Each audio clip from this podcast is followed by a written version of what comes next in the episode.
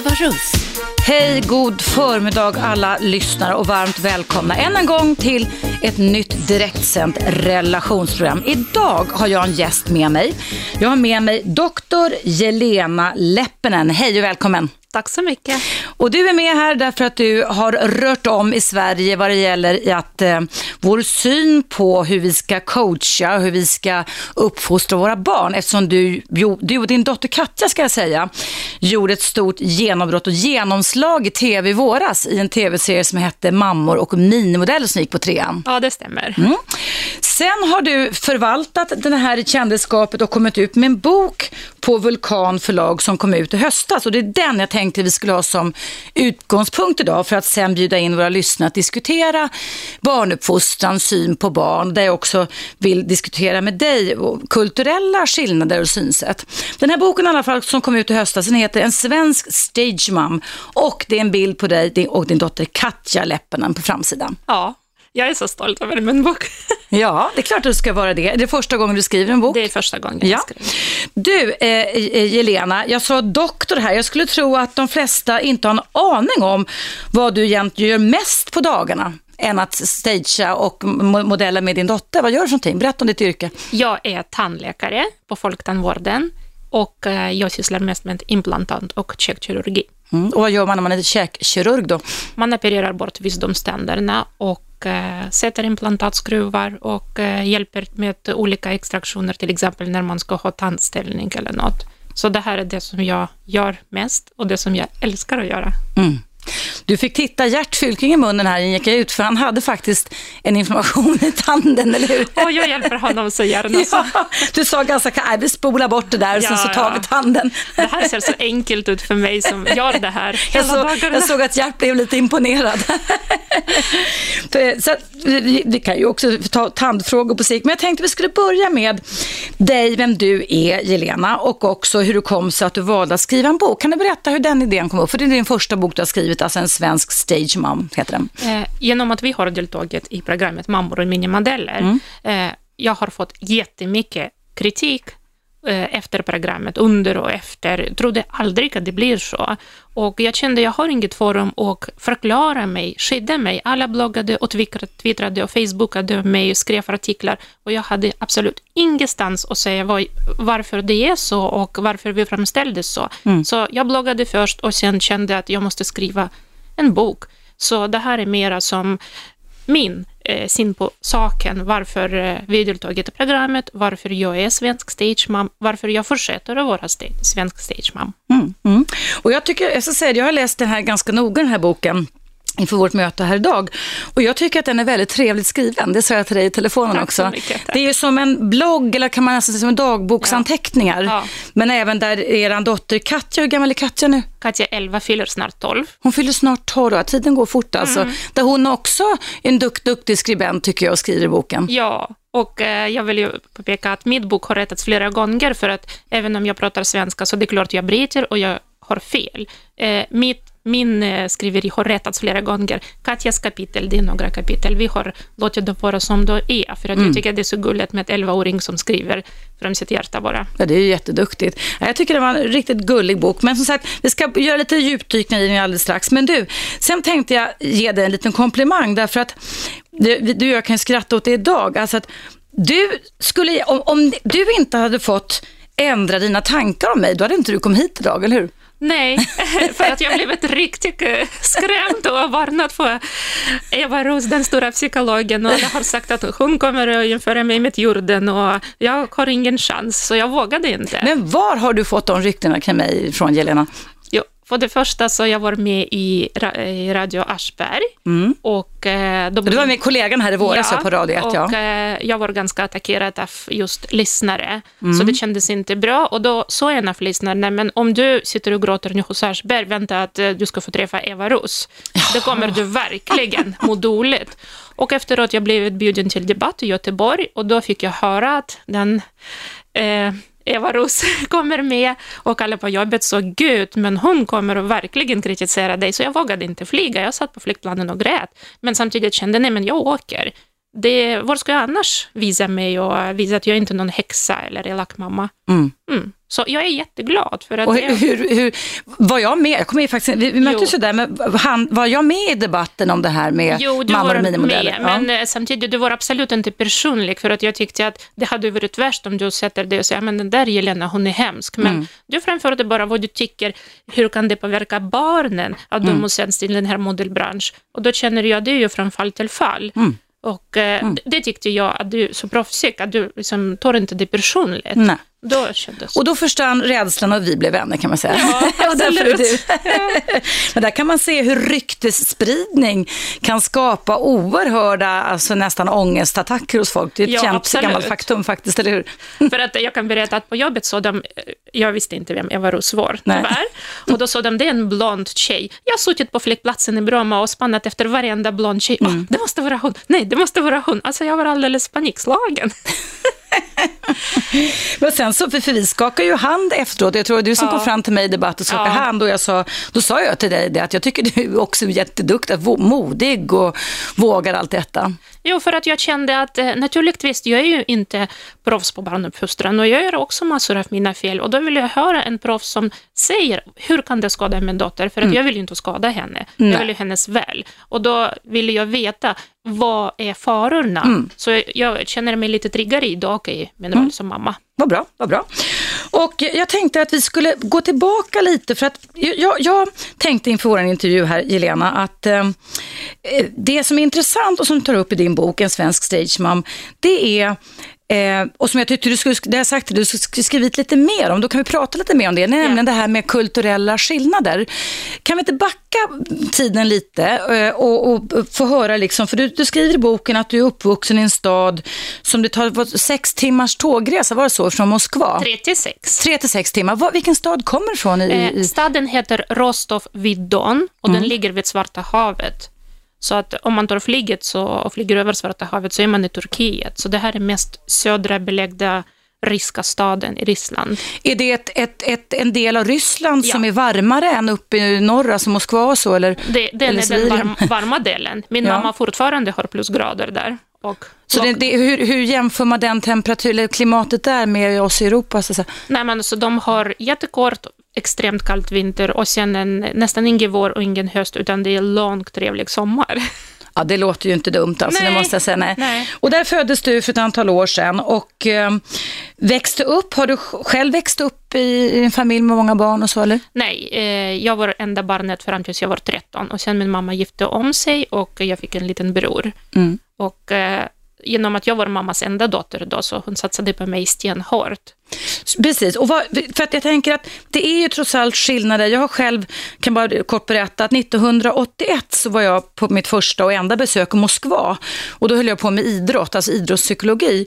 Och träffade då ryska i Moskva, ryska idrottspsykologer, astrologer till och med, som ryska bågskytteförbundet, för bågskytte var min första landslag jag jobbade med, hade tagit dit för att de skulle liksom få ordning på tankarna och klimatet och man tittar på horoskop. Det var en jättevetenskap och ryssarna har ju då inom idrotten som jag jobbade med först varit mycket mycket, med många, många år. Inte kanske nu längre du, duktigare än vi svenskar i många grenar. Va? Så jag fattade då alltså att det är skillnad också på synsätt. Och jag tänker, vad, vad, hur, hur hanterade din mamma dig? Hur såg hennes uppfostran ut av dig för att du skulle få ut det bästa när du växte upp? Alltså min mamma krävde ju absolut bra betyg från mig och då är det MVG som gällde.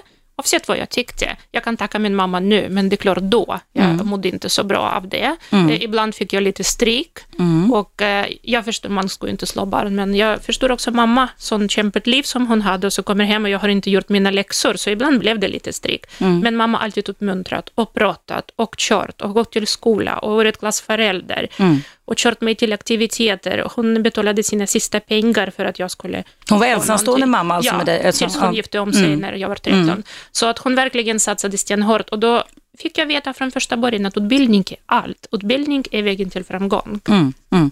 Var din mamma själv, eller, eller är din mamma själv utbildad också? Ja, min mamma är högutbildad, hon är civilingenjör och hade jättebra arbete. Mm. Men på den tiden hon fick inte så mycket betalt på nätterna när hon jobbade som skrädderska åt folk. Mm, Och dubbelarbetade alltså. Mm. sydde kläder när jag har lagt mig för att jag ska ha snygga kläder, bra böcker, eh, hade dansat ballett och allt. Så att mamma verkligen satsat stenhårt. Mm, mm. Det, eh, är det typiskt ryskt det tycker du då? Eller tycker, om du jämför med oss, jag är ju svensk då så att säga, eh, tycker du att det är, är kulturskillnader på den här satsningen som du sen nu har, om man säger överfört på din dotter Katja? Absolut, det är enorma skillnaden. För att i Ryssland så säger man, nej men gud vad du satsar på din dotter, gud vad bra mamma du är. I Sverige det är däremot lite grann, aha, du satsar på din dotter, vad konstig du är. Det, så det blir skillnad, att det, satsa på sin dotter i Ryssland, bra, och här kan mamma. det bli dåligt. Ja. ja. och här är det liksom dåligt. Det är väldigt intressanta eh, synsätt, för där kan, vi, kan, kan, vi kan få helt olika typer av utfall beroende på vad vi tillskriver, om någonting är rätt eller fel, ja. eller hur? Ja. ja. Eh, du Jelena, du är min gäst här ända fram till klockan 12 idag. Nu är det nämligen dags för en liten paus här på Radio 1 och om du är nytillkommen lyssnare så pratar vi idag om eh, Stage Mom number one. Doktor Jelena Leppinen är min gäst idag med anledning av att hon kommer kommit ut med en bok eh, som heter En svensk stage mom. Och eh, Jelena, jag ska fortsätta prata här och så småningom så kommer vi släppa in er lyssnare att eh, ställa frågor, debattera, diskutera synsätt på hur vi ska coacha våra barn. Nu är det dags för en liten paus och du lyssnar på Radio 1.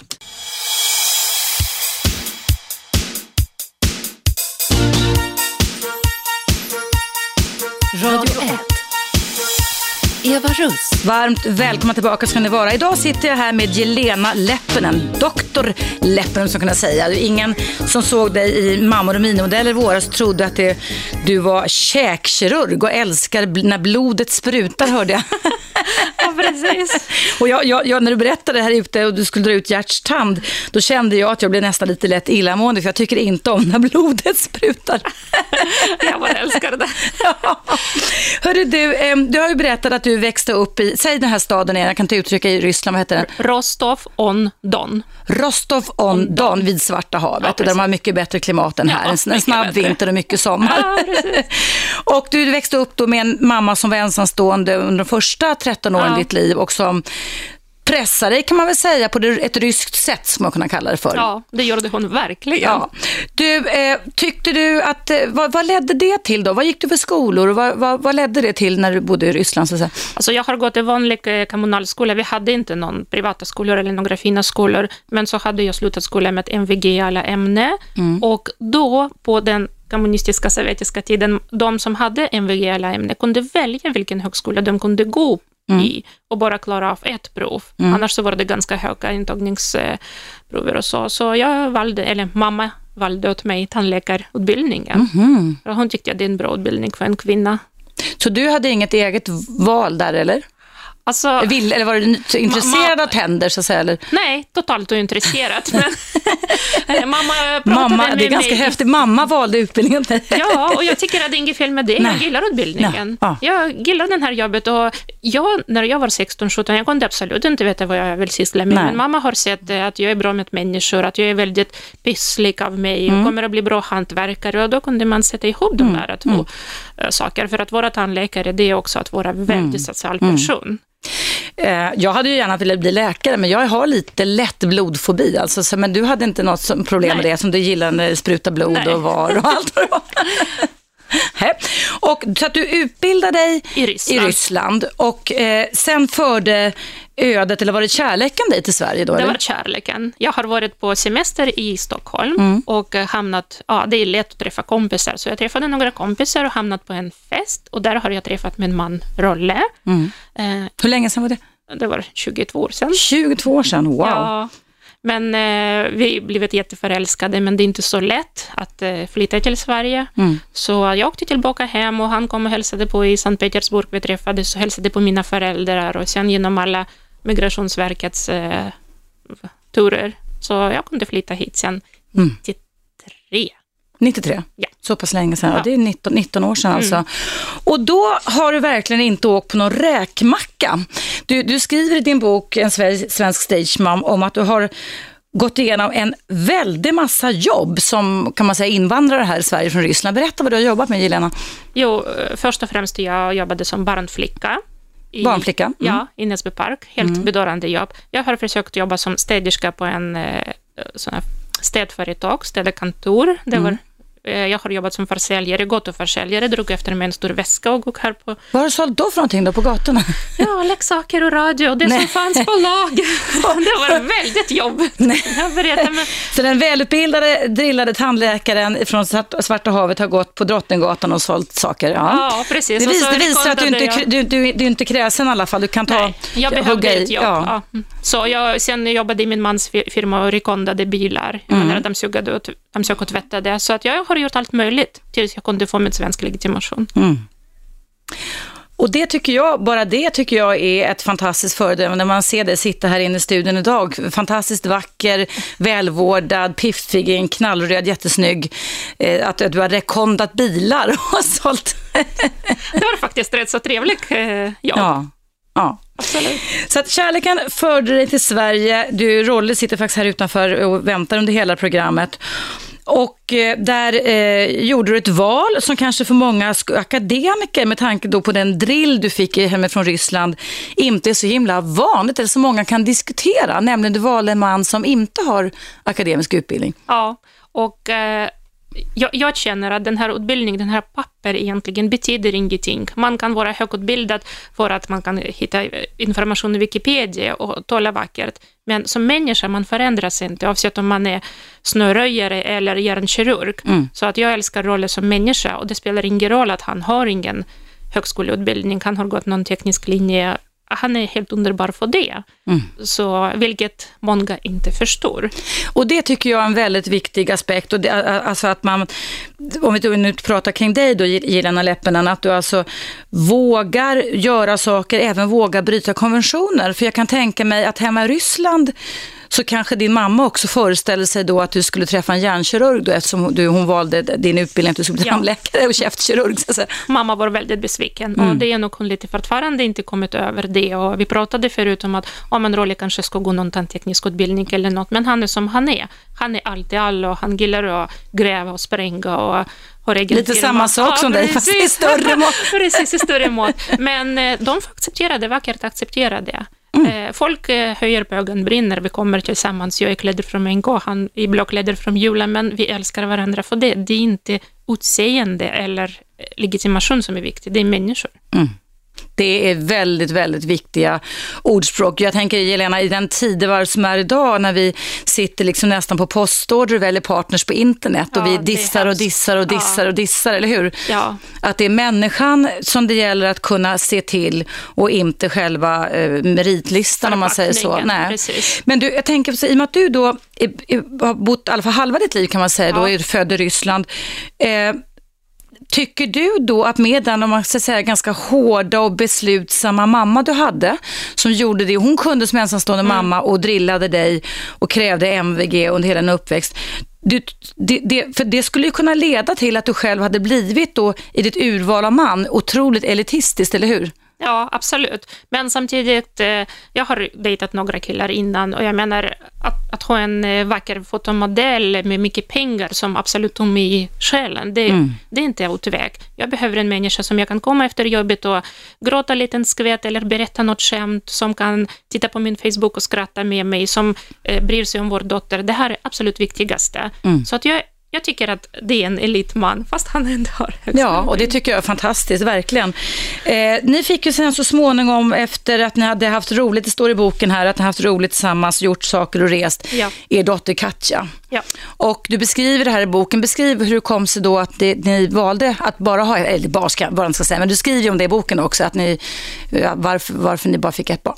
Ja, för att i början när vi bestämde oss att det är dags att bilda familj och skaffa barn, jag vill absolut ha två, det vill ju Rolly också. Mm, för han men, hade inga barn tidigare heller? Nej. Han har två barn sedan tidigare. Han har två barn sedan tidigare? Mm. Ja, ganska stora flickor. Ja.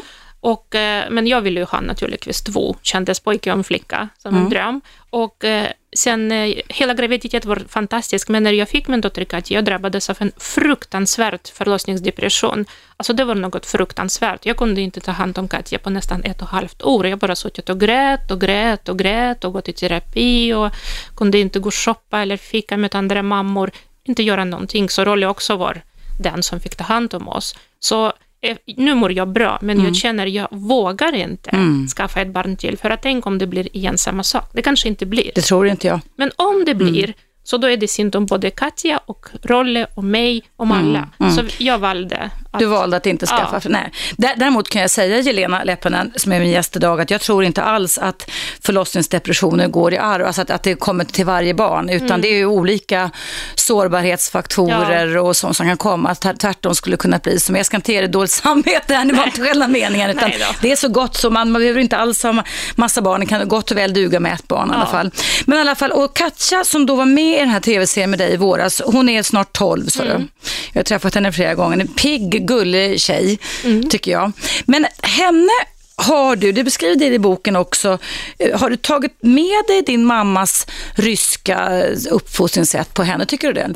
Ja, jag tycker det, och det är både på gott och ont. Mm. För att naturligtvis, Katja är i den ålder, jag har absolut inte varit sån som Katja är, uppkäftig, öppen, social, utan jag var lite mera riskflicka i svarta klackskor som satt och lyssnade på vad mamma sa. Mm. Men samtidigt, jag måste leda Katja, visa till henne rätt eh, väg i livet. Om jag ska inte tjata om läxorna ska bli gjorda, så blir de ju inte gjorda. Mm. För det är så mycket roligare att sitta och titta på dator eller på TV. Mm. Så att något tagit jag, och ändå det lilla som jag tagit från min mammas uppfostran anses som för mycket i Sverige. Vad är det du har tagit med dig lite kort bara? Vi ska strax ha en paus här med, med nyheter här på Radio 1, men berätta lite kort bara så kan vi fortsätta efter pausen med det. Vad är det som du har tagit med dig som du tycker funkar bra? Så kan vi diskutera det med de som Ja. lyssnar sen nu, nästa Men jag timme. tycker Mm. absolut att det är viktigt att hon ska ha en bra utbildning och ska ha en VG alla ämnen, bara Mm. för att sen kunna välja sin utbildning. Hon kanske sen väljer att jobba som lärare i ridskola, det är okej, men då har jag gjort allt jag har kunnat. Mm. För att hon kan gå vidare och vara advokat, eller hjärnkirurg, eller skådespelerska, whatever. Eller hantverkare. Eller tandläkare. Mm. Ja, Eller tandläkare. Eller psykolog. Eller psykoterapeut. eller städerska. Eller städerska, precis. Ja, du, eh, vi fortsätter. Eh, du är min gäst ända fram till klockan 12, Jelena. Och om du är nytillkommen lyssnare så har jag alltså doktor Jelena Leppinen här i studion ända fram till klockan 12. Hon fick sitt genombrott i våras i tv-serien där hon var tillsammans med sin dotter Katja. Eh, mammor och minimodeller. Det blev ett jäkla liv där. Och eh, Jelena blev faktiskt ganska illa åtgången där. Eh, vi diskuterar, vi ska fortsätta lite mer för jag vill komma in på, på dina, Jelenas, dina, dina sätt att uppfostra Katja på som du ser funkar och också ditt val det här att hon skulle bli modell. För det blev ju väldigt kontroversiellt Ja. i våras. Men som man åker till det stora landet i väster Ja, så är det ingen som, rycker, som bryr sig knappt överhuvudtaget kring det. Och sen tänkte jag, då har vi liksom plöjt igenom ganska mycket ditt liv och din bok. Då tänkte jag, då öppnar vi för en diskussion med våra lyssnare. Är det okej? Ja, Toppen. toppen. Då tar vi en liten paus här på Radio 1 och efter pausen så fortsätter alltså med ett samtal med Jelena Leppinen här på Radio 1.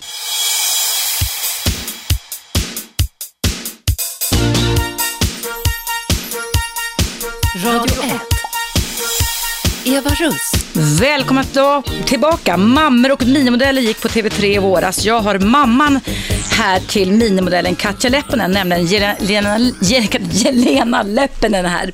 Känns det okej att vara här tycker du? Absolut, det känns bra. jätteroligt. Du är ju med mig ända fram till klockan 12 och vi pratade just nu då om att i och med att du är uppvuxen i en stad, kan du säga vad den här staden hette igen? Rostov on Don. Ja, som har en månad vinter och resten sommar, vilket vid Svarta havet. Att eh, det är skillnad på svensk och rysk och det vet vi också, rysk kultur. Och då var det en lyssnare som ringde in den här pausen och trodde att han hade hört fel. Kan du berätta hur din, din egen inställning är till din egen 11-åriga dotter, vad hon får bli när hon är vuxen?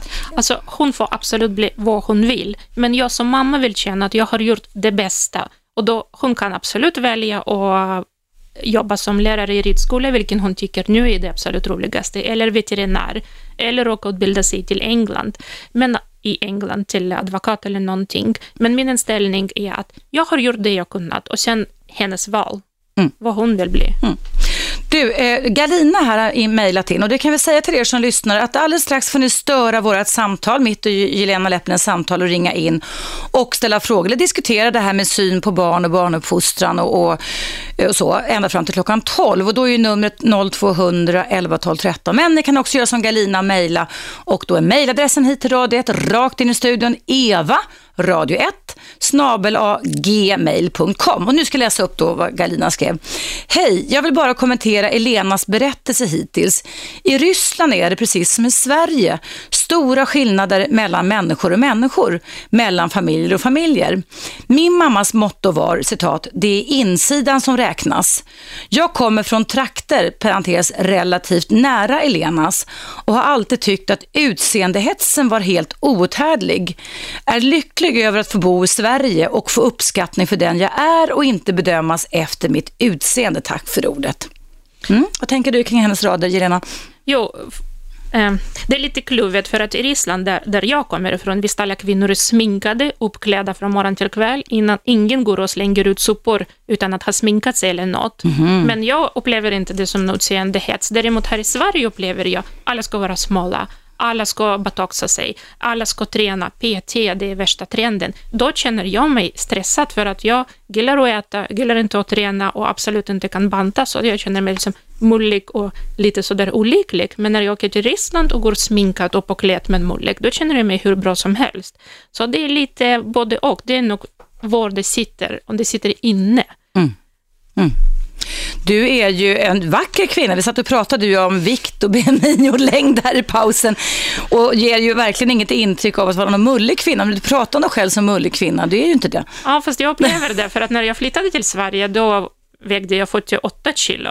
Alltså var extremt smal. Och Till nu- 1,68 Jelena, Ja. då är man ju väldigt, väldigt Jo, och mager. nu väger jag 78 kilo. Och det här är, jag kan inte säga det är mitt största problem i livet naturligtvis, när barn svälter någon annanstans. Men visst, det här stör mig. Varje dag jag tittar i spegel, jag mår illa. Men sluta äta kolhydrater det, eller choklad kommer inte på fråga. Så jag får väl dras med. Ja, du skriver ju faktiskt i den här boken också som är en, en av de anledningar som gör att du är min gäst här idag, som kom ut på Vulkanförlag, en svensk stagemam. Du skriver om, om dina ätvanor, att du emellanåt gör insatser sådär, så det gör vi väl Ja. många, alltså, och sätter igång en jättediet av något Ja. slag, eller hur? Och sen struntar man i det, för att man orkar inte. Nej, men jag tänker, alltså, ditt jobb är ju också väldigt mycket precision, eh, precision eftersom Ja. du är käkkirurg. Det är liksom, man får inte borra fel, och man får inte Nej. sy fel och, och så vidare. Va? Och det sprutar blod, som du sa, du gillar blod som sprutar, så att säga. Men, men det, det, jag, jag, min egen erfarenhet, jag måste ju också ha min hjärna på spänn när jag jobbar både i radion och med klienter. Och hjärnan drivs ju på kolhydrater faktiskt. Ja. Alltså, ät, äter man bara proteiner så tycker jag att man blir lite Segare. segare. Va? Jag körde ett. En Duncan-diet, sån där- ja. Det är fransk, bara proteiner. Mm. Förra året, jag har gått ner typ 6 kilo, men då gick jag som en zombie i komma. Mm. Så jag hellre väger några kilo för mycket och köper stora kläder och skäms Mm. än att gå som en zombie. Och du, nu ska vi komma in på det. Du och Rolle har ju då eh, lilla Katja, som också kan man säga har skrivit några bloggar, eller bloggtexter i den här Ja. boken, eh, som jag för övrigt tycker var väldigt gulligt skriven. Både du och hon skriver väldigt gulligt i den här boken. Men eh, jag har inte riktigt fått klart för mig, hur dök den här idén upp att börja modella med ditt barn? För det är ju lite, var, har ju varit lite kontroversiellt och lite annorlunda. Så är det ju oftast också när man kommer med någonting nytt här i Sverige, inte minst. Eller hur? Jant, jantelagens land. Ja, precis. Men alltså, jag har alltid drömt om att ha en liten modellbebis. Alltså, fast folk kritiserar det. Vad, vad Mm. är för fel med det? Herregud. Bara en vacker bebis som man vill visa upp. Så jag började skicka hennes bilder när hon var sex månader till Mikas modellagentur så har fått nej, nej, tack för er ansökan, men vi har enormt mycket barn. Så det är ändå inte bara jag som kom på den här saken. Massor. De har alltså redan barn i bebisar i Sverige? Massor. Mm. Massor. Det är eh, Stockholmsgruppen och Mikas agentur, de tar inte ens emot. Det är många nu modellagenturer som har så pass många. Mm. Det är stängt. Så jag valde sen när Katja var sex, jag valde att vara hennes egen manager och eh, registrerade henne på statist.se. Statist.se, en sån här sajt alltså? Ja. Ja. Och där finns över 100 000 medlemmar. Oj. Så det är inte bara jag som vill att min dotter ska synas, det är hård konkurrens bland alla möjliga människor. Mm. Och vad, Från 0 till 100. och vad gör man då när man har registrerat sig på statist.se? Man lägger kort, några fina kort på sig själv och sen, eller på sitt barn. Mm, Då. Och så varje dag det kommer massor av jobb och då skickar man ansökan. Mhm. Och ibland blir man kallad till casting och ibland blir man inte kallad till casting, så det är ett hårt jobb. Mm. Så ibland, det går i perioder, ibland är jag väldigt aktiv och söker jobb varje dag. Ibland eh, går månader utan att jag tittar ens dit. Ibland blir vi kontaktade för att producenter sitter och tittar på statist.se och väljer folk och kontaktar. Så att eh, nu är Katja nästan 12, så vi håller på med det i sex år. Okej. Mm. Och vad, vad, vad, var det en anledning till varför ni också kom med i tv i det här tv-programmet, eller Ja. Mammor och minimodeller som Ja. gick i våras? Ja. Ja, jag har blivit kontaktade för att eh, Katja gjort ganska många stora jobb. Varit med i Egypten och spelade reklam för Vink och varit med i engelska modelltidning och så. Så att eh, hennes kort ligger ganska framme och hennes idé är ganska eftersökt. Så vi har blivit kontaktade av Baluba. Mm. Balubo Television, ja. Just det. Mm. Det var väl Och- det som Peter Settman ägde? Ja. Eller? Ja. Och eh, efter jättemycket intervju och prat fram och tillbaka, alla varnat oss att vi kommer att få mycket skit. Alla vanliga människor på mitt jobb har sagt att jag kommer att få mycket skit för det. Vi valde att delta i det här programmet. Mm. Så Men det låg väl lite i linje med vad du har önskat att det skulle ske också, eller hur? jo, absolut. En, en lite, kan man säga en dröm, en dröm som slog in Ja. kring det här. Du, ehm, ehm, tycker du att det bara, du fick ju väldigt mycket stryk kan man väl Ja. säga i media våras, men har det blivit någonting bra av det också tycker du Jelena? Absolut. Jag har kunnat för det första se mig själv på TV och se vissa beteendemonster hos mig som jag inte tycker om. Beteendemonster? Ja, m- monster. Vad var det för beteendemonster då? Nej, men att jag kanske är lite på och pratar lite för mycket och jag kanske borde lyssna lite mera på folk. Så att jag känner att jag försöker vara lite mer ödmjuk. Mm. Och sen att man kanske ska inte pusha Katja så hårt, så att jag har verkligen backat ganska mycket här. Så att jag känner att visst, jag fick mycket stryk som person, men jag har växt också som person och känner att jag har blivit ödmjukare, snällare, mera bra på att lyssna på folk och inte bedöma alla andra efter första de gör. Liksom blivit lite mera... Mm. Och mig vågar du träffa i alla fall, fast du har fått höra att jag skulle vara den hemskaste psykologen i världen. Du, du, eh, vi ska alldeles strax börja släppa in, eh, vi kan börja släppa in folk och ringa här nu.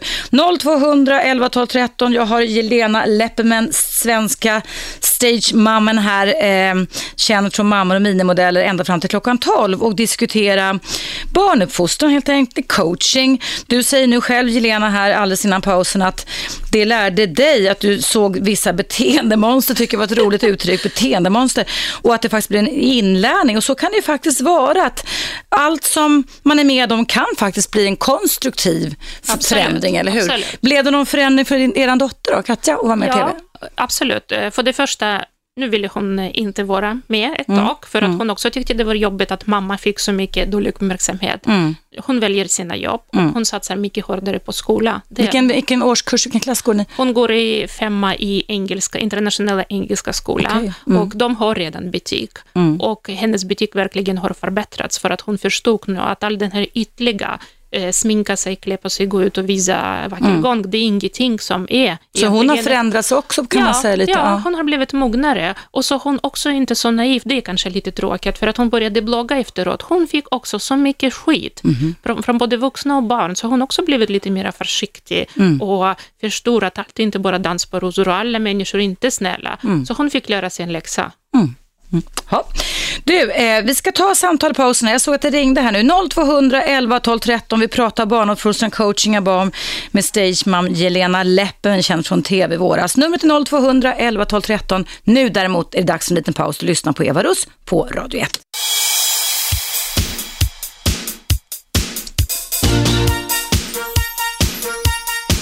Radio 1. Eva Russ. Välkomna tillbaka ska ni vara. Ja, att vilja satsa på sina barns utbildning och begära av dem att de lägger ner ett stort arbete på att kunna få bra betyg i skolan. Det var en sanning för mig när jag växte upp på 60-talet i Sverige.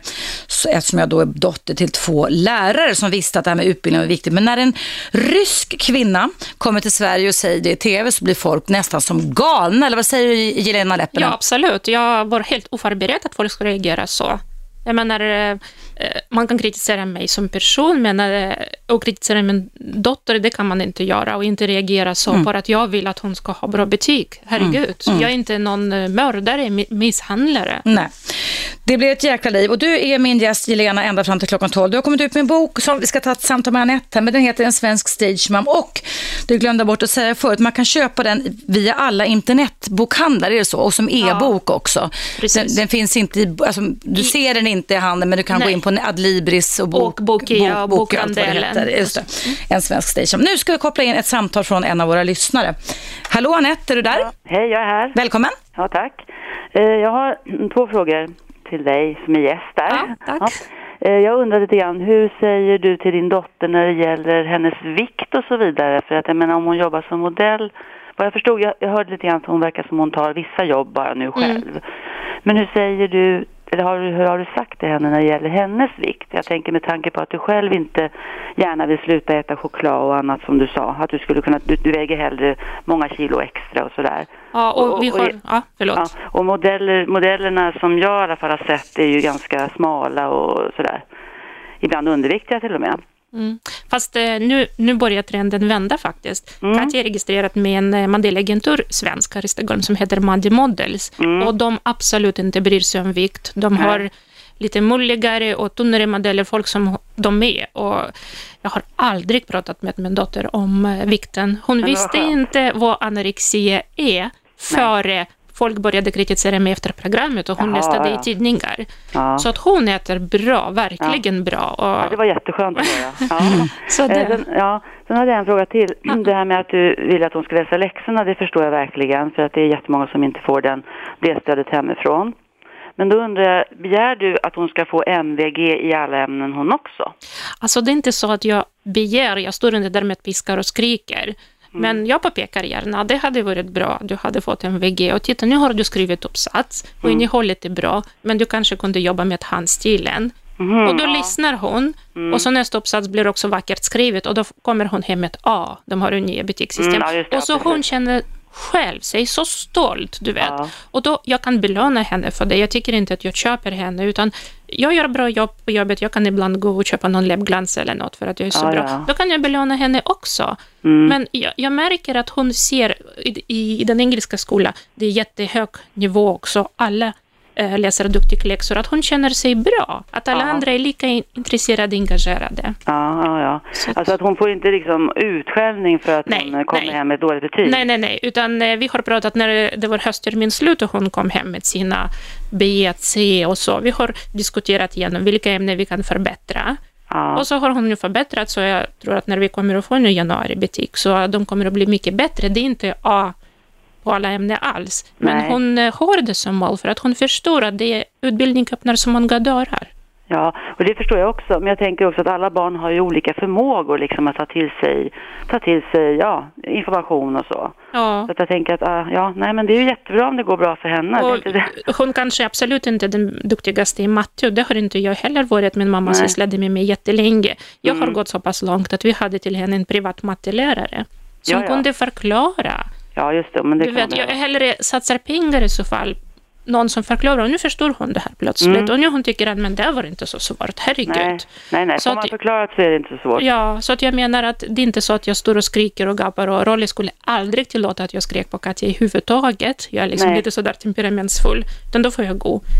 Utan ja. jag tycker att jag mera planterar i hennes medvetna att det är bra metodbildning, det är jättebra metodbildning. Mm, Okej, okay, ja, ja. Nej, men det var det jag undrade över faktiskt just nu. Jag kanske återkommer om jag får det, va? Eller? Absolut, du får ja. ringa många gånger du vill. Toppen. Tack så mycket. Tack, Tack för att du fortsätter lyssna. Hej, hej, hej. hej. hej. Ja.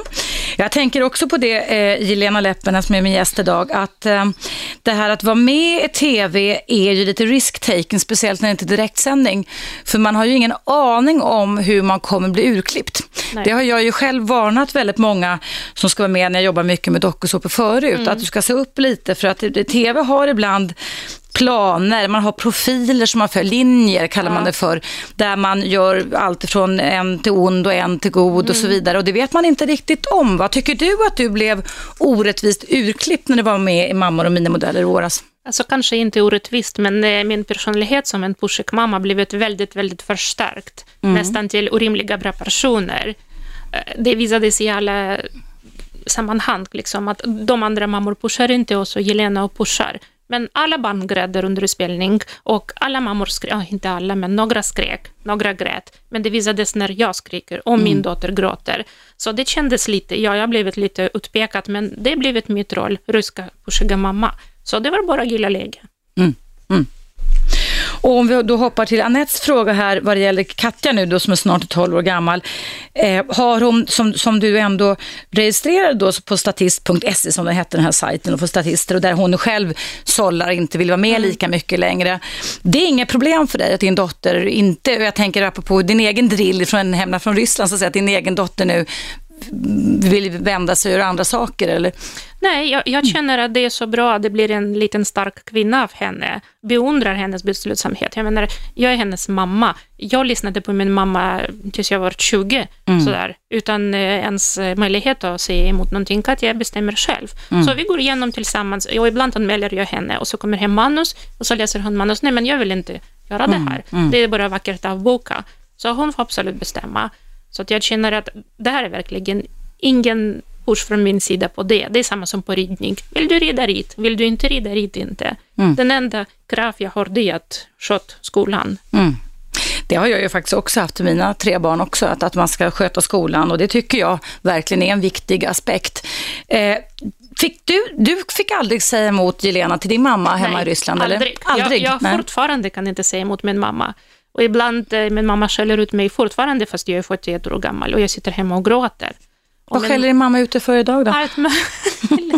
Åh, fönstren är inte tvättade. Åh, du När hon är här i Sverige på besök? Eller? Eller Ja. så frågar hon mig, när har du tvättat fönster senast? Och det var kanske ett år sedan, för att jag tycker inte det är så kul. Ja, men du måste tvätta fönster, ja, men du måste träna, ja, men du måste göra det och det. Och, eh, det är mycket mamma har hela tiden att säga. Och du törs inte säga ifrån Nej, eller? jag har aldrig sagt ifrån. Jag törs inte. Jag vill inte göra mamma ledsen heller. Tror du att hon skulle bli, skulle inte hon bli väldigt överraskad och förvånad om du sa ifrån? Ja, eller? helt chockad säkert. Men vad tror du skulle hända sen då? Nej, jag vet inte. Vi kanske, det är så svårt genom att vi har bara kontakt per telefon och träffas Ja. varannat år, så det kanske blir väldigt svårt om vi inte ens får prata i telefon ett tag för att hon är ledsen. Och Sen vill jag inte be om ursäkt heller.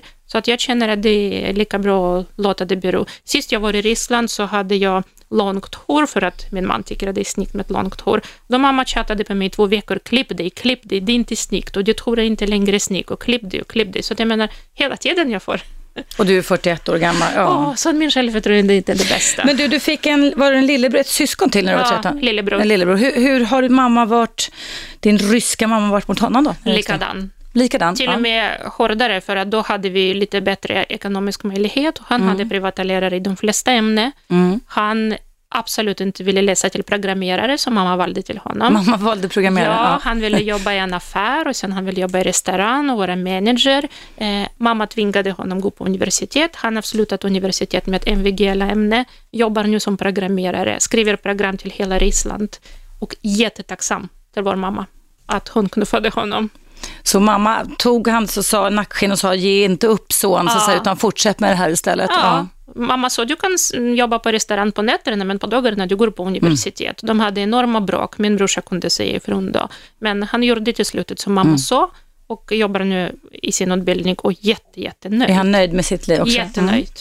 Du, det ska ta ett samtal här innan Ja. pausen, ska vi se vem som ringer in. Ja, välkommen till Eva Rust och Jelena, vem finns där? Malin igen. Malin igen, hej Malin, hej! Hej, jag tänker reflektera till programmet igår. Vad sa du?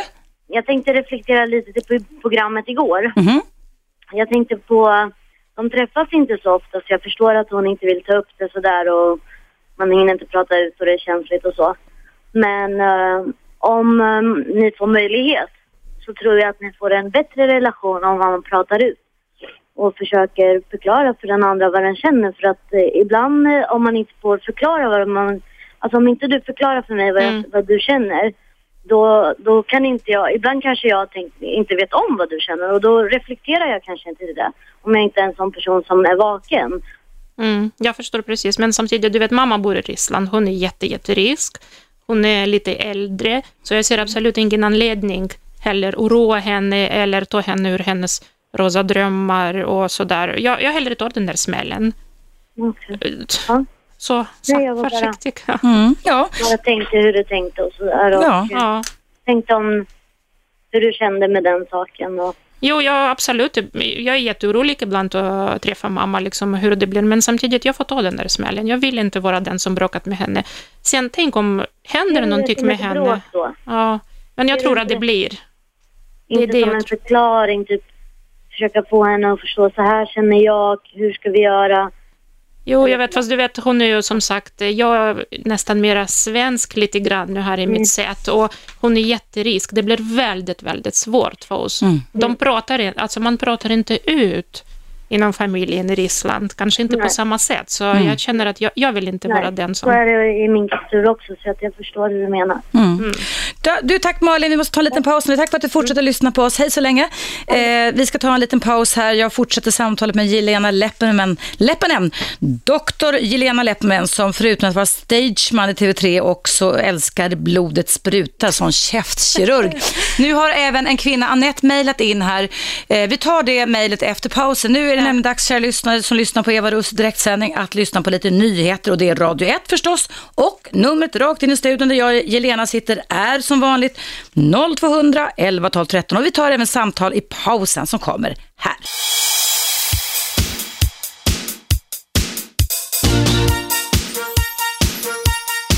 Radio 1. Eva Russ. Välkomna tillbaka ska ni vara. Jag har idag besök av Jelena Leppinen, känd ifrån Mammor och minimodellerna. Hon och hennes dotter, eller deras dotter Katja Rolle och Jelenas dotter Katja var med i en väldigt omtalad eh, dokumentärserie på TV3 i våras. Lena, eh, Jelena Leppinen är inte bara stageman, hon är också käkkirurg. Och eh, ska hjälpa vår kollega Gert nästa på måndag Om han och dra vill. ut en tand. Om han vill. Han kanske blir rädd, men du har ju kunnat visa att man kan övervinna rädsla och vara Ja, med och då. stå ut med nästan vad som helst. Du, nu ska vi höra här, ni är nämligen välkomna att ringa in hit, numret är 0200 11 12 13 och diskutera coaching av barn, eh, barnuppfostran och så vidare. Vi ska se om Lennart som är en trägen gäst har någon fråga till dig, Jelena. Hallå Lennart! Ja, hej. hej Välkommen. Helena. Hej, hej. Jo, jag är väldigt trägen. Jag brukar lyssna på Radio 1. Jag tycker det är intressant med den där pratkanalen eh, kanalen för att eh, då, som någon uttryckte tidigare att då kan alla människor komma till tals. Det är väldigt viktigt att vi får framföra synpunkter och så vidare och eh, det tycker jag är en fin demokratisk eh, insikt. Ja. Jag tänkte fråga Helena, det är ju väldigt positivt att man självklart bryr sig om i högsta grad sina barn. Det tycker jag är strålande. Och men det som du säger också där samtidigt att din mamma var väldigt sträng i uppfostran och fodrande. Mm. Och du menade, vad jag också kunde utröna utav diskussionen ni hade, Eva och du, det är ju det också att vad jag har varit, jag har ju inte så stora erfarenheter men jag har varit i Ryssland eh, så tidigt som 1975 första gången. Och när jag kom dit, jag har ju läst lite rysk litteratur, Turgenev och du vet de Ja. här klassikerna, det, Ja. Tolstoj, det har varit väldigt fascinerande. Och man fick ju en insikt om att det historiskt sett så upphörde ju, upphörde ju livegenskapen först på 1860-talet i Ryssland. Det är ju Ja. rätt sent egentligen kontra Västeuropa. I Sverige har vi haft egentligen en fri bondeklass i princip. Va? Stött- Lennart, frågan till Jelena. frågan. Frågan till Jelena. Jag, jag tror att det där med, när jag kom till Ryssland märkte jag det att det var en väldig ordning va, på barnen. När man, Ja. studerade, i, när man gick i Moskva, när man såg skolklasser, de gick på led och, och lärarinnan gick i täten. Och kommer man i dagens Sverige idag så är det bara en stor flock som kommer Ja. springande. Va?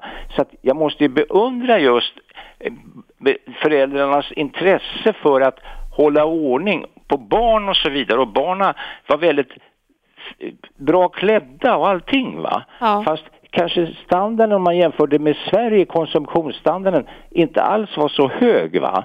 Så måste jag, fick jag ett väldigt gott intryck av att man skötte väl hand om barnen där alltså på ett sätt. Ja, precis. Det, det Stämmer, stämmer. stämmer det med vad Lennart iakttog då, 1975? Absolut, Ja. absolut. Det stämmer fortfarande.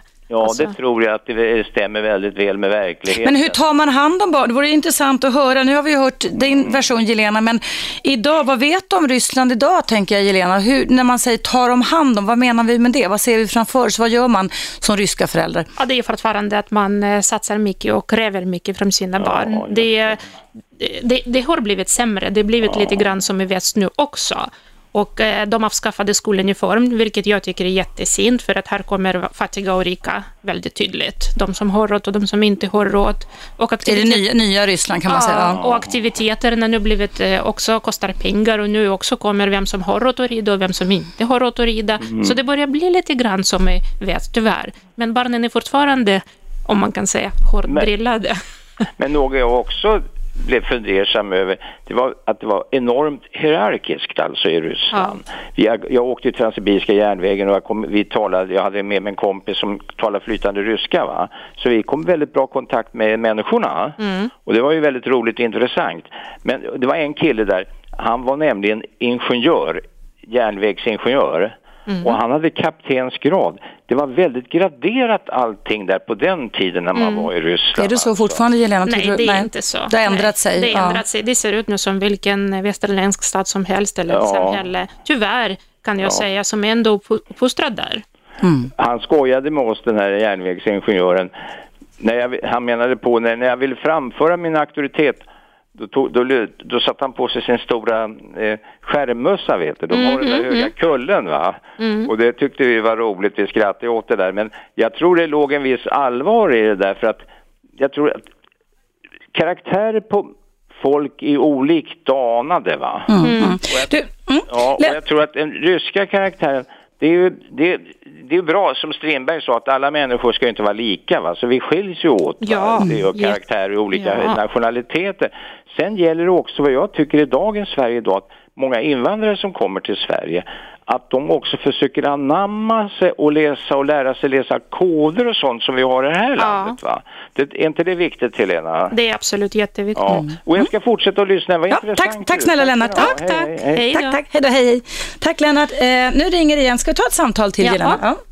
Hallå, vem finns på tråden? Jag heter var Nader. Hej Eva. Hej Nader, hej. Och hej allihopa i studion. Hej, Jo, det var, jag bara tänkte lyssna på ett program här som hastigast och tyckte att det lät som en väldigt, väldigt förlegad syn på eh, barnuppfostran och på föräldraskap. Det här med att vi som föräldrar vet bäst och vi ska med en strikt hand leda våra barn i rätt riktning. Eh, och jag tycker bara som ett exempel, vad heter det, minns inte din gästnamn. Hur, Jelena Leppinen heter hon. Jelena. Jelena. Mm. Ja, Jelena. Eh, hej Jelena. Hej, hej. Eh, jo, jag tänkte bara liksom som, jag har själv eh, mm, ja, bakgrund eh, som, som invandrare och är från Iran så jag har också från den här kulturen att föräldrarna vet bäst och man talar inte emot sina föräldrar och man lyder det som vuxna säger. Eh, men precis som, som Ryssland och Iran så är det ju länder med väldigt stor rikedom vad gäller resurser, naturresurser och så vidare. Ja. Men ändå har vi majoriteten av våra, våra liksom medborgare lever i väldigt, väldigt låg standard och väldigt, väldigt fattiga. Ja. Och jag vill påstå att den här kulturen som, som du förespråkar, som, som ni pratar om här nu, är en av de bidragande orsakerna. För om man låter sina föräldrar eller andra vuxna fatta ens beslut åt en, så är det ingenting som hindrar en att låta även regering och stat fatta vidare beslut när man blir vuxen. För det är det man är indoktrinerad med. Man är inte, man är inte, man är inte lärd att tänka kritiskt. Man är inte lärd att sätta sig emot. Att resa sig upp och säga att nej men du mamma, du är jättebra men jag tror nog bäst vad, vad gäller mitt liv och vad som är bäst för mig. Och jag har själv en son och det jag önskar när han växer upp och när han är tillräckligt stor för att resonera kring, kring mitt faderskap och, och, och min roll i, i hans liv är att han ska känna att mitt, min kärlek till honom var villkorslöst och inte var villkorad med han skulle lyda mig eller att han skulle följa mina drömmar. För det är det egentligen det handlar om, det här, det här curlandet och det här eh, liksom föräldraskapet, att man, man, man försöker leva sitt liv genom sina barn. För, för man, man, jag har väldigt svårt att, att tänka sig att, att en förälder sätter sig ner med en fyraåring och bara men min kära dotter är så här sån, vad drömmer du om? Låt mig förverkliga dina drömmar. Utan man kommer tillbaka till vad, vad jo men att bli läkare är jättebra. Ja men plugga i skolan. För då, då kan du bli läkare, då får du ett bra liv. Det vet jag, men det är inte så. Alla läkare är inte lyckliga. Vad svarar du? Jelena, vad, vad kan du kommentera lite kort? Vi ska strax ha en liten reklampaus här på Naders Alltså nu var det. Mm. verkligen en stor eh, fråga här. Jag har absolut inte med här. Eller visst, du har rätt och jag har rätt i mitt liv. Så jag menar, jag, säger, jag sätter inte henne ner och säger att hon ska bli läkare, men samtidigt så, jag vet inte, grundläggande att sköta skola, det borde väl alla barn göra. Och sen jag också ifrågasätter och eh, jag tycker inte, absolut inte att jag är någon lydig medborgare som bara leds dit eh, de säger. Jag menar, det har ingenting med det att göra. Hur kan du förklara då den fattigdom som råder? Men det, det, här är något helt annat och jag verkligen vill inte gå i politik. Alltså det här... Nej, men, men, absolut, men, men, mm. men det, det är det tyvärr inte är, utan det är ju faktiskt några få, för det är inte så att alla är fattiga, utan några få, även i mitt land, så är det ju då de som, de som styr och leder. De har ju på sig de fina kostymerna och har de importerade bilarna. De har, går det ingen nöd på. Det är, det är folket mm. som de styr över, som, som, de, som de befaller. Det är de som har det svårt och inte får, får det att gå runt. Mm. Det här kommer ju från att, att vi låter andra... Styra över oss, det är det du vill säga. Att, att, vad, vad får det för konsekvenser att vi accepterar våra öden någonstans? Det är det du säger lite Nader, eller hur? I, precis, i bägge de här länderna så har vi en skola där man inte, där man inte undervisar kritiskt tänkande. Okej, det är det du menar? För, ja. ja. Men som... undervisning och det är samma sak mm. hemma. Mamma vet bäst, man, pratar inte, man talar inte emot sina föräldrar. Man, man ställer sig upp och ja. att man vet inte bäst. Ja. Ja. man bara accepterar i tydlighet. Ja. Nader, vi måste tyvärr ta en liten paus här just nu, så, men vi kan fortsätta diskutera det här ämnet efter pausen. Men jag kopplar bort det lite nu så ska vi fundera, så får Jelena prata lite om vi kan prata vidare kring det här eller inte. Tack så jättemycket för att du engagerar dig och ringer in. Tack, tack. Hej då, hej hej. Ja, hörni, det är dags för en liten paus här på Radio 1. Jag heter Eva Russ och du heter? Jelena Leppinen. Precis, och vi fortsätter att prata om barncoaching och barnuppfostran ända fram till klockan 12. Du lyssnar på Radio 1.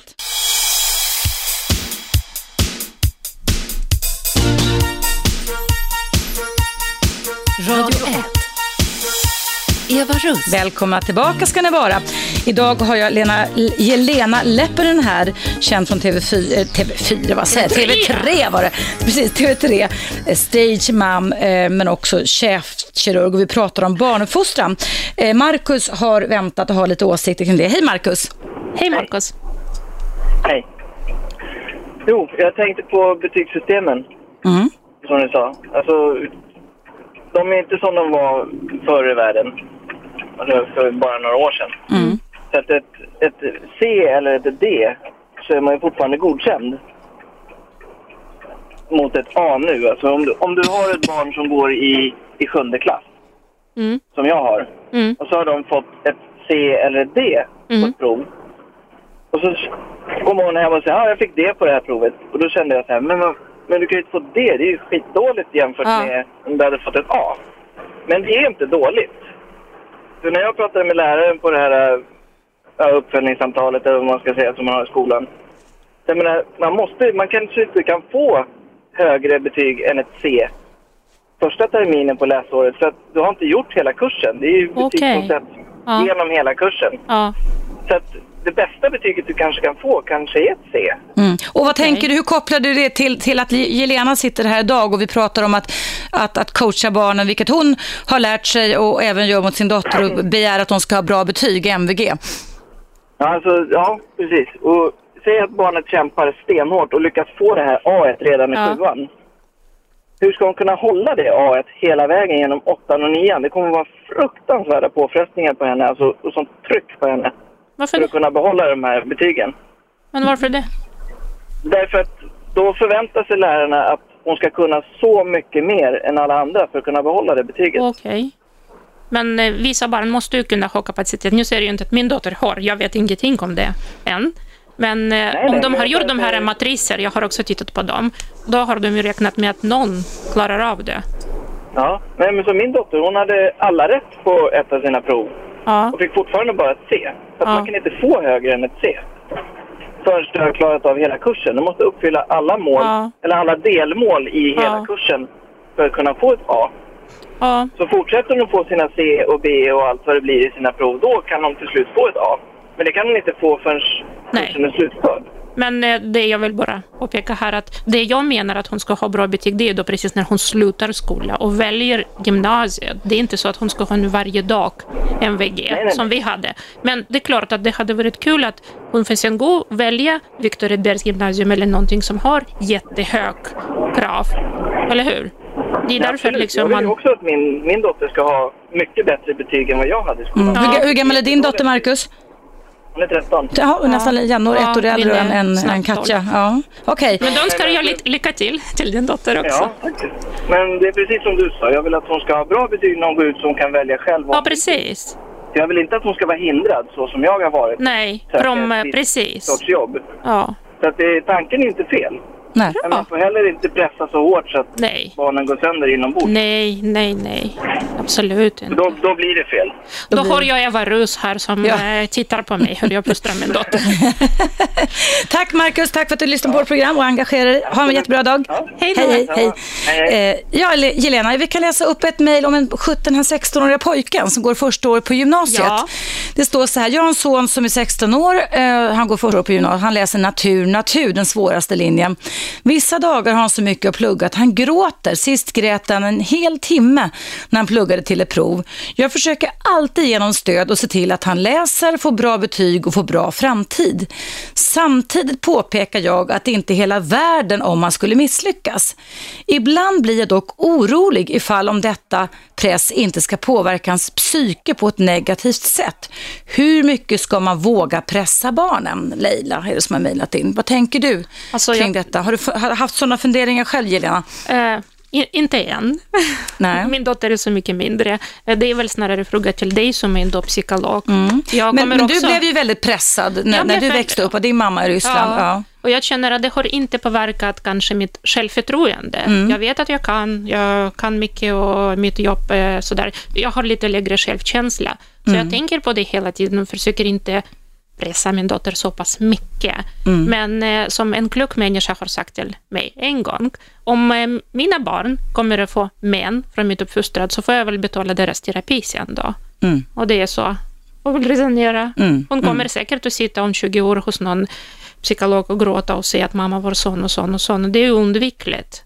Men den smäll får jag väl ta. Det får väldigt många föräldrar räkna med kan jag säga. Så det, men det behöver inte vara så. Men du, vi ska läsa här, för då kom det ett mejl från Anette där står så här.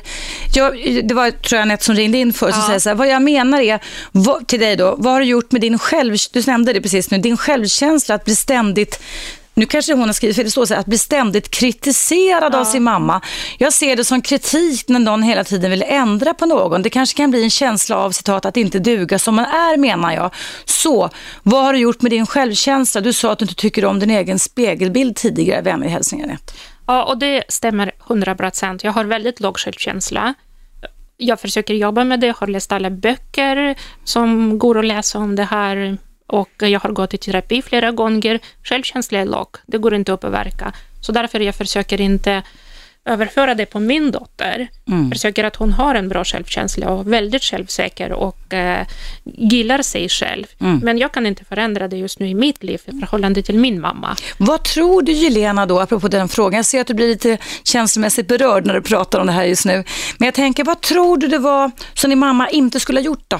Ja, Men hon skulle inte jämfört mig hela tiden med andra och inte sagt liksom, om man tittar den här tjejen, titta hennes frisyr är så bra, ska vi gå till frisör och klippa dig så? Eller, Så det var eh, jämförelse med ja, andra det var framför lite, allt? Ja, det var Att- Mm. lite så här. Och sen eh, en gång hon träffade mig, åh vad du plockade dina ögonbryn jättemycket, det blev ju jättefult. Men det, det har jag väl märkt själv, tack Mm. för att du säger det. Men det är mycket sådana saker som hon säger, vad hon tycker, kanske inte tänker på min självkänsla. Så jag verkligen försöker inte säga någonting till min dotter alls. Ibland går det till överdrift om jag ser att mascara har kladdat. Jag säger ingenting. Mm, du, ja. Men du, din mamma, kritiserade hon dig bara eller kunde hon säga var du duktig Jelena Jo, hon- också när du var duktig i jo, skolan och så? hon kunde säga, absolut. Hon är jättestolt över mig också nu, över alla mina framgångar. Och så om jag säger att men det går jättebra på jobbet, jag har fått löneförhöjning, och då säger hon hur mycket tid du är hemma med din dotter då? Och säger jag att jag är hemma med min dotter, då säger Mm. hon hur går det på jobbet? Så jag känner att jag aldrig, aldrig duger. Mm. Fast jag älskar min mamma ändå. Det gör vi ju. Det, gör vi. det är ju mänskligt. Oavsett hur våra föräldrars sätt att fungera på har varit så är ju det den första stora kärleken för oss. Ja, absolut. Faktiskt. Så det, det, vi, menar, vi människor kan ju till och med älska människor som slår oss och gör oss illa, om det är Ja. våra föräldrar också. Ja. Den där kärleken är väldigt stark och fast. Min, Däremot- man, ja, min man gillar ju inte det här, eh, mitt förhållande till min mamma och säger hela tiden Nej, Rolle är ju svensk, så, att säga, så han, han, han- har lite han- svårt för den typen av sätt kan man säga, föräldrasätt som din mamma har mot dig. Försöker hela tiden få mig att konfrontera mamma, men jag vågar inte och kommer aldrig att våga. Jag Men, känner... men där tänker jag lite, Jelena, nu har, har vi ingen terapi på något sätt här, men jag bara tänker, vad är, alltså, alltså, om din mamma fick lära sig ett annat sätt, skulle det vara hela världen då? Nej, inte kanske hela men för henne kanske. Men tror du inte att hon skulle kunna överleva det? Hon skulle inte gå och ta livet av sig om hon var tvungen att ändra sitt sätt mot men dig. eh, samtidigt som hon lever nu, hon är ju lite äldre. Hur gammal är mamma? Hon är 64 Ja. och då är hon i pension. Mm. Och hon Jaha. är rätt så sliten för att kvinnorna går där när de är 60 och hon jobbat hela sitt liv för oss alla. Eh, liksom Mm. serverar min pappa fortfarande så. så. Och hon går hemma på dagarna, har inget att göra och hon grubblar. Mm. Så jag tror att hon kommer att grubbla sig till depressionen. Jag grubblar inte, jag går och jobbar och Mm. eh, träffar Det, människor. det är ju så att, att det låter som att, och det är inte nu unikt på något sätt, men att din, din, som du beskriver din mamma här, Jelena, så är de här mönstren väldigt svåra att förändra och Ja. då har du ju hellre valt eh, att, inte. att inte ta upp kampen mot Nej. dem. Jag har ju sagt i något program jag haft här att när föräldrarna blir över 70 någonting sånt där så kan, får man nog lov att preskribera alla utmaningar och allting sånt. Vi kan inte förändra våra föräldrar, men vi Nej. kan, vi kan ogilla vissa saker och vi kan säga från. Det, det, det har jag gjort mot mina föräldrar faktiskt, men, men ibland så kan man välja den strategin du har också. Det är inget fel med det. Nej, toppen. Du, eh, det är dags för, det går, tiden går fort, eller hur? Ja. Du är ju kvar med Le- Jelena Leppänen för ända fram till klockan 12 och jag ser att det ringer här hörni. Lägg inte på så ska jag kolla vilka ni är under pausen som kommer här. Jag heter Eva Rust, du lyssnar på Radio 1. Telefonnumret rakt in i studion när vi pratar om barnuppfostran, barncoaching är 0200 11 12 13 och nu kommer en liten paus där du bland annat kommer att få höra de senaste nyheterna också.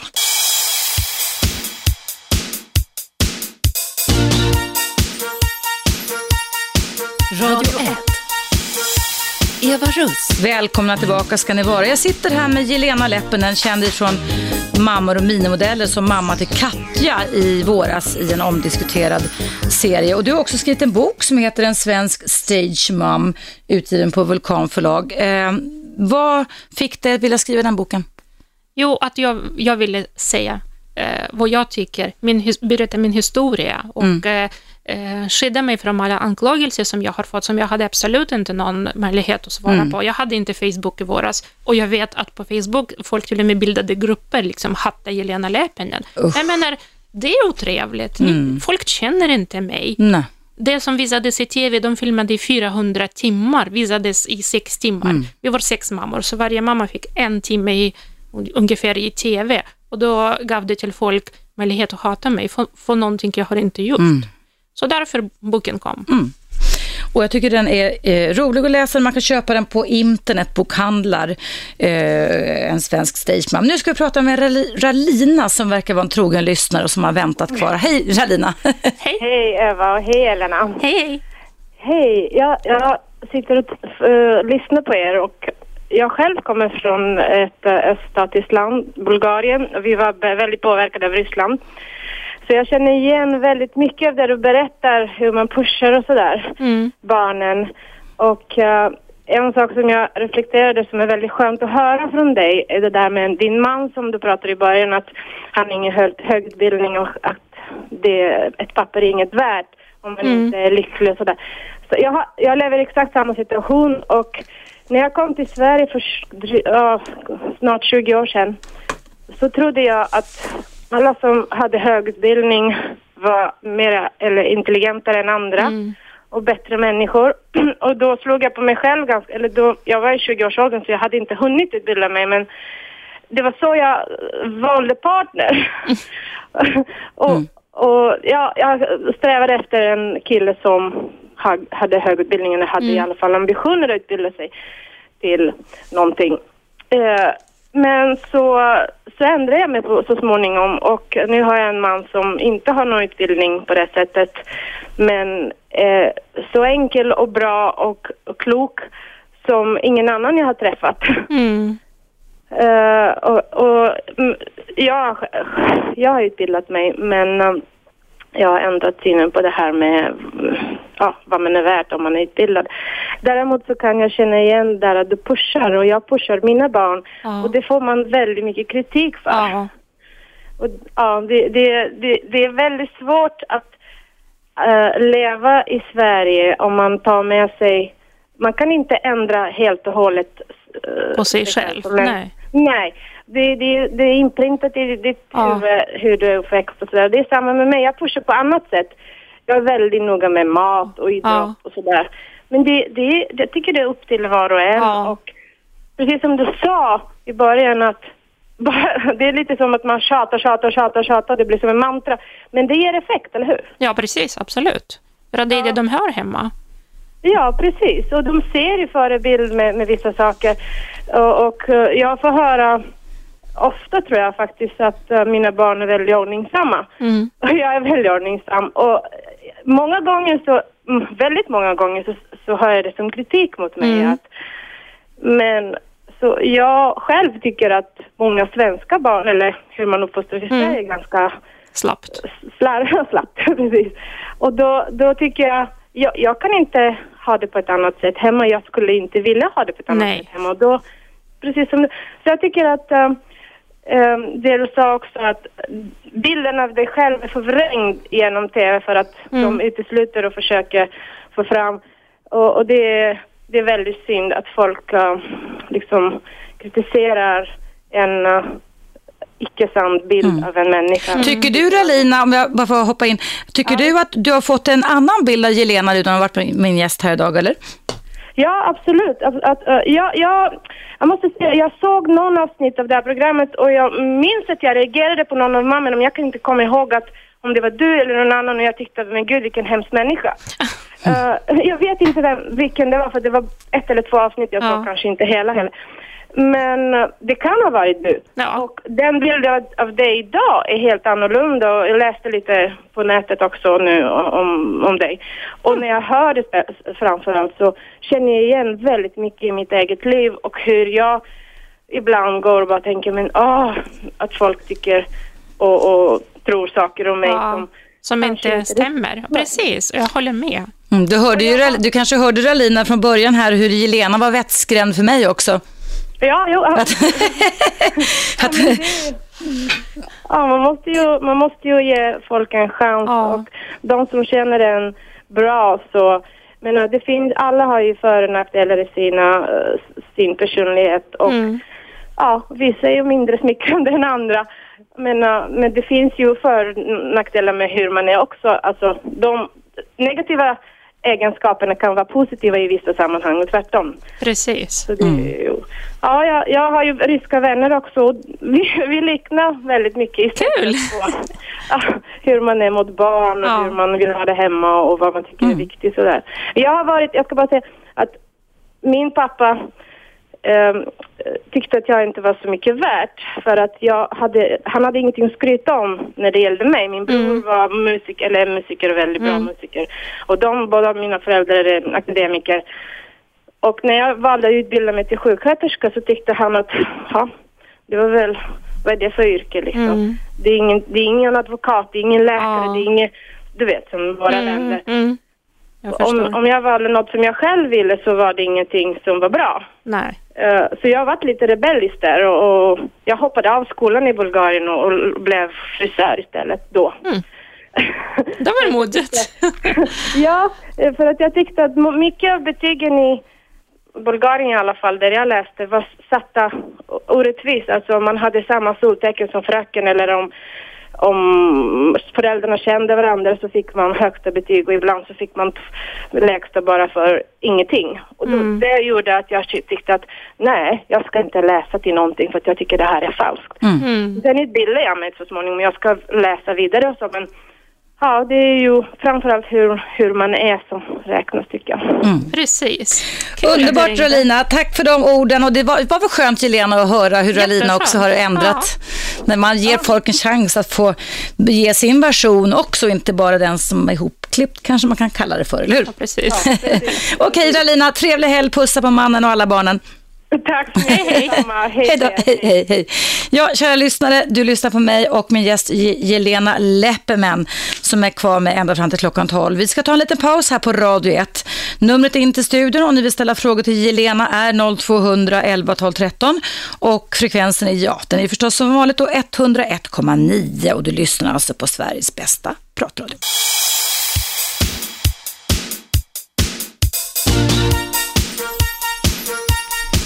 Radio 1. Eva Russ. Varmt välkomna tillbaka. Jag sitter här med Jelena Leppänen eftersom hon, förutom att ha varit med i TV våras i Mammor och minimodell, också kommit ut med en bok som heter En svensk stage mom som du kan beställa på internet. Då ville Pia prata lite. Hallå Pia! Ja, hej du. Välkommen hej, hej. till vårt program. Ja, tack. Hörru Jelena, kan ja. det vara så här, jag är mamma till fyra barn och jag är också gammal lärare. Ja. Kan det vara så här att man ställer de här otroliga pushkraven på barn för att det är ens enda barn? För jag känner någonstans att hade jag jobbat på det här viset med mina ungar, då hade jag inte fått göra annat än att, att pusha dem så här. Så att jag det kan stämma, ja, ja. absolut. Eh, för, för, det enda barnet på något vis, det accentueras eh, ja. till någonting alldeles, alldeles speciellt. Speciellt, absolut. Du vet, hon är med precis allt. Allt. Ja. Och då vill jag den här allt ska få också allt. Mm, mm. Och folk säger, ja men du kan ja. skämma bort henne, men jag känner att med kärlek kan jag inte skämma bort henne. Nej. Det kan man ju. Nej. Men känner du så här då, när, när om det här, din, din dotter då, eller det här enda barnet som du också var, inte kan leva upp till de här stora förväntningarna. Vad finns det då? Finns det då någonting för det här barnet att få ifrån sin förälder? Så att man känner det här att man, man inte duger. För det värsta är väl ändå det här att man inte duger. Ja, och jag hoppas ju verkligen att eh, mm jag, jag hoppas att hon uppfyller mina önskningar, mm. men samtidigt gör hon inte det, så det är klart jag älskar henne oavsett. Självklart. Ja, självklart. Och jag tror att hon kan alltid komma och finna tröst mm. hos oss. Så att... För, för, för, vad jag har sagt till mina barn, eh, det viktiga är ändå hur man ser ut inuti och ja. hur man är mot andra. Ja. Och sen att man alltid kan komma hem om ja, det krisar. Absolut. Åker man utomlands som, som au pair eller åker man iväg någonstans ut i världen så ska man alltid känna det här att jag kan komma hem hur det än är. Ja, vet du, det, ja, jag vill eh, dra en sån här liten jämförelse. Eh, vi har ju en bra författare i Ryssland som heter Anton Tjechov. Ja, och han har skrivit mm. eh, en ja, han har skrivit mycket noveller, men en, då handlade det om en mamma och en dotter och då killen som skulle gifta sig med dotter tittade på mamma och kände, att den här mamma, om dotter kommer att mörda någon, så den här mamma kommer att gräva liket i trädgården, kommer inte mm. ange sitt barn. Det är ungefär så jag känner. Jag gör allt för min dotter. Mm. Och alltid kommer att göra och blir inte besviken oavsett vad hon gör. Drar hon mm. tågluffa i Thailand, då får hon väl göra det. Mm. Whatever.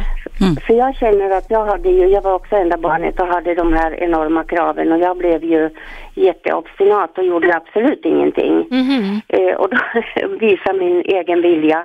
Och då känner jag så här att att känna att man inte duger, det mm. är nog bland det värsta som finns. Mm. Och då mm. bestämde jag att jag ska aldrig, aldrig någonsin eh, pusha på mina barn mm. så att de är, så att, så att det blir omänskligt på något vis. Mm, jag förstår. Eh, vet ja. du det som är lite sådär bra i vår familj, att min man Rolle och Katjas pappa, mm. han är sån enorm motsats till mig, så han mm. verkligen balanserar mm. bort mitt hispiga och starka pushning. Han tar det lite lugnt så att jag känner att i slutändan så hon får ganska rimliga krav.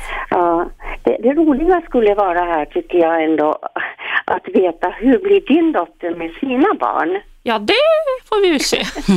Hoppas att det dröjer många, många, många år. Ska man bryta det sociala arvet eller ska, eller ska hon bli helt som jag, att absolut mm. anti? Hon säkert blir anti. Just nu är hon anti. Just nu, begynnande tonåren. Ja, precis. Himla skönt, himla skönt att hon är anti. Ja. Det, det peppar jag för. Ja, Allt vad jag säger så hon bara himlar med ögonen. Tack, snack, tack snälla Pia, tack för att du lyssnade på oss och god jul till dig också. Tack, tack, hej. Hej, hej, hej. Ja, eh, ett sista lyssnarmail och sen tänkte jag att vi skulle byta bana lite snabbt och prata om tänder. Vi ska passa ja, på här när det är en käftkirurg här. Men jag tänkte så här, Monica skriver så här, jag tror att Jelena kanske underskattar sin mammas förmåga att ta till sig det hon känner. Att hon skulle vara för gammal vid 64 års ålder för att konfronteras är absurt. Tror att det egentligen är Jelena själv som inte tror sig klara av sina egna känslor i sammanhanget. Därmed får inte hennes mamma chansen att tänka om och få ett bättre förhållande till sin dotter och son. Det kan hända. Jag är verkligen väldigt rädd om eh, sådär, mina inre liv. Jag gillar inte Mm. att gråta. Jag försöker verkligen, ser jag någonting ledsamt på TV, jag går därifrån. Jag vet inte, jag har varit med om ändå mycket i mitt liv. Mm. Eh, flytt och eh, helt nytt liv och sådär. Så att jag känner att jag försöker stänga lite känslor ute. Så jag kanske vill inte konfrontera riktigt, mamma att hon ska börja gråta, jag ska börja gråta. Det blir så stor gråtkalas och jag kanske inte orkar med det Mm. fortfarande. Så att det kan absolut vara så. Men just nu väljer jag som en struts. Eh, vi låtsas att allt är bra, mamma kritiserar, jag ler. Det är som Mm. funkar. Mm. Ska ni fira jul ihop med din mamma eller? Nej, vi... Eller firar ni jul på, när det, på samma sätt som här i Sverige? Ja, i lite grann. Ryssland? Nej, absolut inte, utan det är nyår mest. Men de kommer hit, Nyåret ja, det. ja, de Mm. kommer hit på sommaren med mamma, min bror och hans nya flickvän och kanske Mm. min pappa. Mm. Ja, då får Eva konfrontera oss. Du kan hyra in mig som, Ja, som precis. relationsexpert i sådana fall. Precis, då sitter du bredvid. Precis. Hörru, jag tänkte på det eftersom vi då har en, en, tandläkare här inne oss som, som gillar att dra ut tänder och så här. Alla ska vi ju snaska i oss något så förbaskat mycket godsaker och fel saker här inför julen. Så är det okej om vi ägnar några minuter, de sista minuterna när du är här Jelena, att berätta lite vad man ska tänka på kring tänderna? Jag tycker det vore kul att få höra lite. Alltså jag också älskar äta godis, så att jag föreslår att man ska sätta sig med sin Aladdin-låda, äta upp alla på en gång. Och Äta sen- upp allt godiset på en gång och sen alltså. går och borstar Mm. tänderna, utan det är den där småätande som är inte så bra för tänderna, att vi går och tar en och en och en under hela dagen. Sätt dig ner, ät så mycket du kan, sen gå och borsta tänderna själv med fluor. Ska, ska man borsta tänderna och skölja med fluor efter att man har ätit mat eller är det bara snask vi pratar om? eh, efter maten.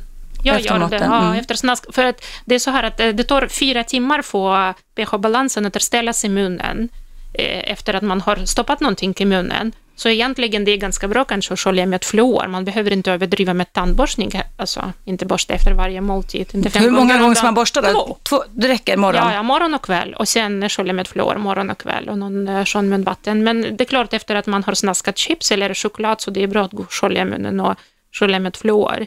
Eller jag som kör SB12, älskar bara den. Och Då är man, Är SP12 en bra grej att ha? Alltså, ja, jag tycker man ja. är pussvänlig sen hela dagen. Man är pussvänlig hela dagen. Ja, det är väl någonting som är viktigt för oss att veta. Vi ska pussas mycket i julhelgen, eller hur? Ja, men man, man vill vara ändå säker att man har bra an- andedräkt. Mm. Så jag tycker att det är jätteviktigt för att människor kan vara hur vackra och välvårdade som helst, men har man lite torr i munnen så får lite dålig andedräkt, så då är det bra att ha SB12. Mm. Och fluor kan man fortfarande, alltså jag växte upp då i Sverige där vi hade fluortanter Mm. som kom i sådana här små muggar. Hade ni det i Ryssland också? Vi hade inte det, men Man delade ut dem regelbundet. Jag, jag kom, var det en gång i veckan eller var det en gång? Jag kommer inte riktigt ihåg, men jag växte upp i in- innerstaden här i Stockholm där man kom med fluortanter och man gillar väl inte dem så jättemycket, men det kanske var bra för våra tänder. Har vi bra tänder i Sverige tycker du? Vi har bra tänder i Sverige och vi har fluortanter i Sverige också. Har vi fluortanter i de Sverige? kommer Mm. till nollan och till fem, femte klass.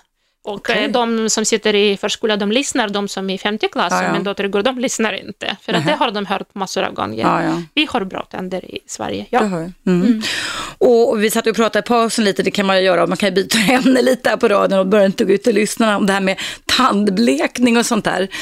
Det är ju väldigt inne just nu, är det bra eller dåligt? Jag tycker att det är bra med tandblekning. Jag menar, går man och oroar sig för att ah, mina tänder är inte riktigt vackra, då får man ju fixa det och det finns medel. Det däremot som är viktigt, så att Socialstyrelsen kommer med ett rapport hela tiden, att blekning under längre tid med lägre dos är bättre. Alltså när man sätter ske- Ja, skenor på skenor tänderna. till exempel, Mm. om man sover med det i två veckor, är bättre än en snabb blekning. Så de här laser, eller vad kallas det för, laser finns och laserblekning? det finns lampablekning och de är väldigt effektiva. Om jag ska ta och gifta mig imorgon och har inte tid nu att köra med skenor så det är klart jag springer och bleker med ett laser. Mm. Men det försvinner också mycket snabbare, Okej. den här effekten. När Mm. man bleker med skenor så effekten består i kanske upp till tre år. Mm. Och så sparar man sina skenor och köper bara självaste medel som är ganska billigt. Då funkar det jättebra. Eh, Så att eh, däremot man måste säga alla får inte vita tänder.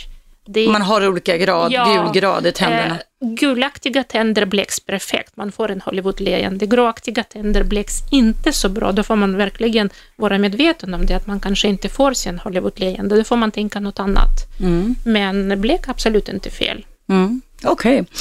Och det här med att man sätter kronor på tänderna så man ser ut som en stor bidé i munnen i USA. Så man, alltså, folk kan inte stänga läpparna längre. jag tycker är, det det är som är, är det någonting som har kommit till Sverige? Inte så mycket faktiskt. Mm. Vi har faktiskt det, vi, vi svenskar. Vi ja. har så jättefina tänder. Mm. Eh, och de som inte lagade och lite blekta, de blir jättefina. Och tandställningar gör jättestor nytta. Mm. Och det kan man tydligen sätta upp i vilken ålder som helst. Ja, det har inte bara med skolor att göra längre, utan nej, många nej, som nej. går omkring med det när man är vuxen. Nej, nej, det, det med skolor att göra, det är då med om landstinget betalar eller inte betalar. Mm. Och det har blivit hårdare, för att det är mm. väldigt dyr behandling. Mm. Och det är inte tandläkare som väljer, utan det är en specialist. Så att man ska aldrig liksom vara arg på sin tandläkare mm. om man inte får. Okay. Utan det är olika mm. grader. Okay. Och specialisten bedömer men man kan få när man är 100 också. Okej, okay. wow. Du, en sista fråga till dig då. Två sista frågorna. Hur kändes det att vara här tycker du två timmar med mig? Det kändes jättekul. Jag kommer gärna flera gånger. Ja, det var väldigt roligt att ha dig som gäst också. Och en sista fråga då, det är om din mamma inte hade valt din utbildning till att bli tandläkare, vad hade du valt då? Filosof. Filosof istället? Ja, bara för det. jag fortfarande tycker att det är jättetrevligt att sitta och tänka på stora frågor. Men då kanske du ska skriva, eftersom du är här med anledning av din bok, bok, nästa bok om filosofiska... ja, det har varit jättekul att ha dig som gäst. Jag önskar dig din familj allt gott och får hälsa Katja också, en, en pigg liten tjej. Jag har träffat henne när vi har setts i tv-sammanhang och så. Nu väntar jag just nu för att se om kollegan Hasse Aro kommer sprintandes in. Jag tyckte jag såg hans ansikte utanför fönstret, men jag vet inte var han tog vägen någonstans. vi kan sitta här ja, vi kan, sjunga. Ja, vi kan sitta här och sjunga. sjunga kan sitta och sjunga en julsång, någonting sånt där istället. Jag kan säga det också, att ni som då vill höra hela programmet i repris kan höra det ikväll klockan 19.00 så går det alltså mellan måndag till fredag. Under vardagar så kan man lyssna på mitt program Eva Russ i repris där jag alltså tar upp aktuella saker som har med våra mänskliga relationer att göra. 101,9 Radio 1 Sveriges nya pratradio.